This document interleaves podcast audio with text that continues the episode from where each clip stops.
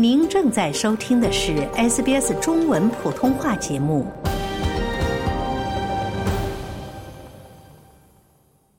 昨天下午，在中国被监禁四年多的澳籍华人作家杨恒军被北京的一家法院判处死刑缓期执行，原因是2021年杨恒军被指控加入或接受不明间谍组织的任务危害了国家安全，但针对这起案件的细节未曾公开过。那么，作为澳洲公民的杨恒军在中国被判处死缓意味着什么？工党政府对此还有哪些选择可以为杨恒军提供援助？对澳大利亚公民杨恒军的判决是否会影响澳中两国刚刚转暖的关系？对此，我们邀请到了中国前外交官杨涵和杨恒军的学者好友悉尼科技大学副教授冯崇义。接下来，请收听采访。我们都知道澳大利亚其实没有死刑的，但是杨恒军作为一个澳大利亚的公民，在中国被判处死缓，这件事到底多严重，意味着什么呢？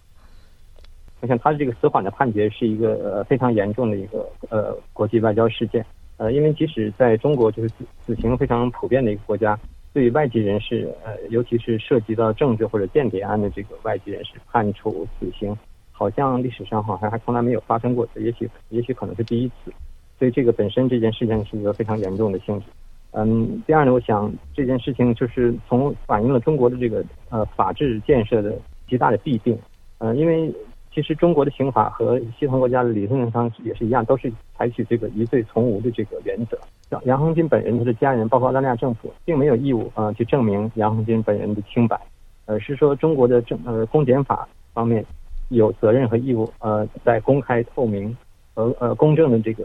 前提下啊，来证明杨恒军本人的所犯的这个罪行，但是嗯，五年多来的时间来，嗯，中国政府并没有呃公开任何的证据，甚至具体的指控的这个文本都没有公开啊。到最后的宣判，中国政府官方的媒体到现在也没有正式的公布啊。我们现在依赖的都是这个澳洲媒体澳洲政府的公布的信息，所以这是一个非常的暗箱的操作。从这从这件事情本身来看，就是说。虽然中国的这个科学技术发展啊，基础设施建设不断的发发展啊，高楼大厦、高速铁路都很发达，但是在这个民主法治建设上，在这个文明建设啊，还是非常的落后。所以这这个判决的本身啊，这个非常公开不透明的暗箱的操作，是对中国的国际形象的一个很大的打击。嗯。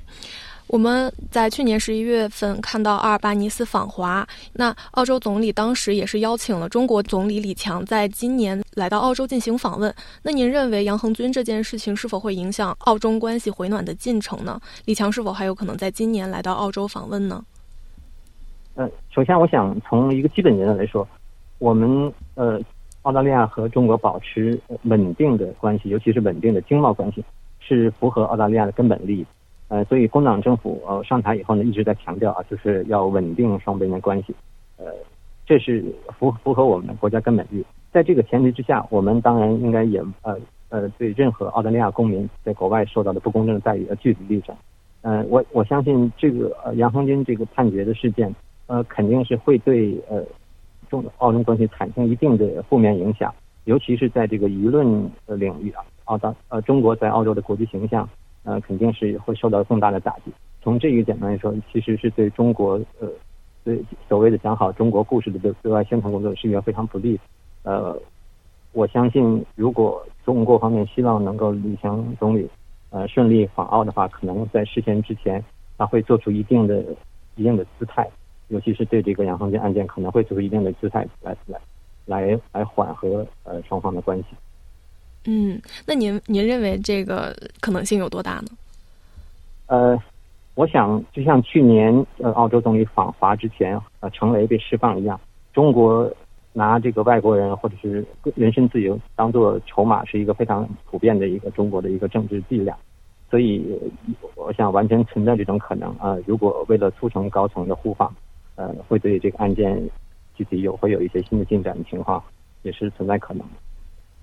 嗯，今天早上的一条新闻是说，反对党达顿和外交事务发言人伯明翰在敦促工党政府对此事采取更有力的行动。但另一方面，我们看到昨天外交部长黄英贤发言，对此事的用词是震惊，无法对杨博士的案件发表评论，还强调了澳大利亚官员没有出席在二零二一年对杨恒军的闭门审判。那么，想问您？工党政府目前的态度是不是反映出了一些在对于此事做出反应时会有一点力不从从心？您其实之前是有在中国外交系统的从业经历，想知道根据过往的外交惯例，您认为此事留给工党的这个应对空间如何？工党还有哪些选择可以对澳洲公民杨恒军进行援助呢？嗯，从澳大利亚政府的角度，不论是工党政府还是原来的联盟党保守党政府，我们能做到的。呃，从外交层面或者从具体的层面都很微乎其微，因为中国没有一个公开、独立的法治体系。呃，中国的这个呃法院系统是完全是在中国共产党的掌控之下，所以呃，对，尤其是这种呃呃涉及国家安全、所谓涉及国家安全的这个案件的判决，呃，完全是一个政治性的判决。呃，所以我呃我们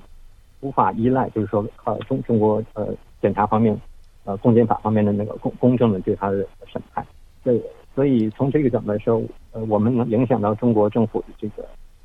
能的作为是非常有限的。呃，也许啊，因为作为澳大利亚是一个中等国家啊，可能我们相对来说实力呢，并在国际上的实力说话的话语权并不强。呃，也许呢，如果是呃美国或者是呃其他一些比较呃超级大国，呃的西方国家，可能在跟中国打交道时，对待这种个体的案例。会有更大的发言权，但是从对于澳大利亚角度来说，我想还我们没有什么能够做到能够影响中国政府决策的的能力。我想，从过去的中国对政治犯的这个呃处理的办法来说，呃，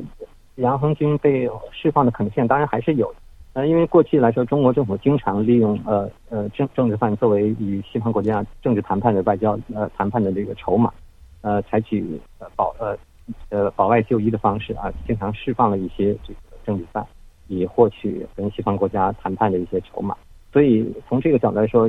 呃，杨恒军呃也不一定是完全没有希望啊，呃，我也也可能在不久的未来或者一定的程度的未来，呃，也许他会被呃允许吧保外就医，这也是也是可能的。即使杨涵认为澳大利亚政府很难在中国没有公布案件细节的情况下向中国政府施压，但杨恒军的朋友悉尼科技大学副教授冯崇义博士强调。中国政府对杨恒军的判决是野蛮无理的政治迫害，而澳洲政府是有合理空间要求中国政府将杨恒军转移到澳大利亚的，就是先啊缓和下来，去去把这个呃移交到监狱，就是给司法部门管理啊，寻找机会可以申请保保保外就医，可以把这个身体跟生命起码起码保住救出来，然后再争取别的机会。通过这个外交行动，澳大利亚政府的外交行动行动啊，把他救回澳大利亚来，就是我刚才讲过，因为他本身是无辜的，这些犯这些罪，就是这这个指控，在国际的法律界都会当成笑谈，因为因为啊，除非说你三十年之前犯事，当当时是有人指控，有人入罪了，三十年他其实追溯期也早就过了，你把那时候一些一些工作范围内的。事拿出来，现在判死刑，这是一个一个法律界的一个很很丢人的一个一个事情，所以这是这个澳大利亚政府是有这个啊啊空间和很合理合情的要求啊，澳大中国政府把杨红军啊释放出来，回到澳大利亚的。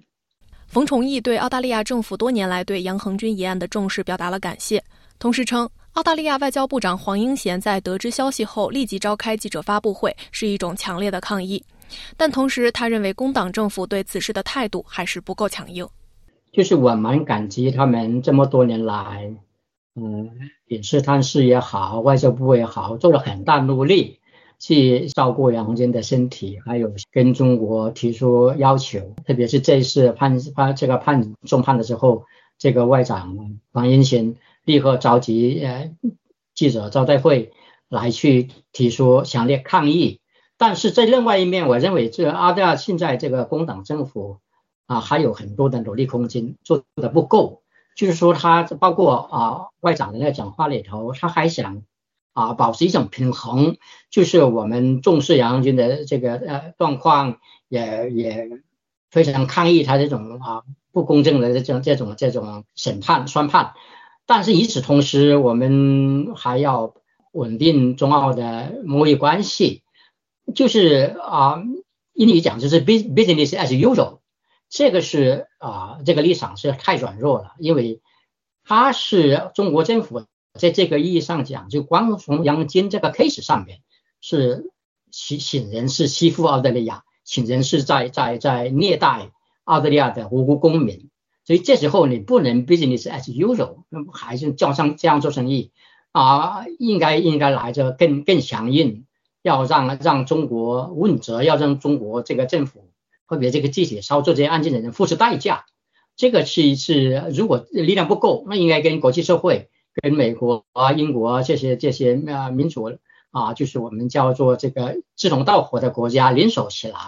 让这个违反啊基本人权、违反国际行为规范的这个这个啊，其实是他们是犯罪人员啊，要要他们承担代价。我现在澳大利亚政府现在没有走出这一步来。想在 SBS 当一回影评人吗？SBS On Demand 正在推送配有中文字幕的热门影视作品，您只需观看一部或以上影视作品，并把影评观后感发给我们，就有机会赢得一份 SBS 精美礼品。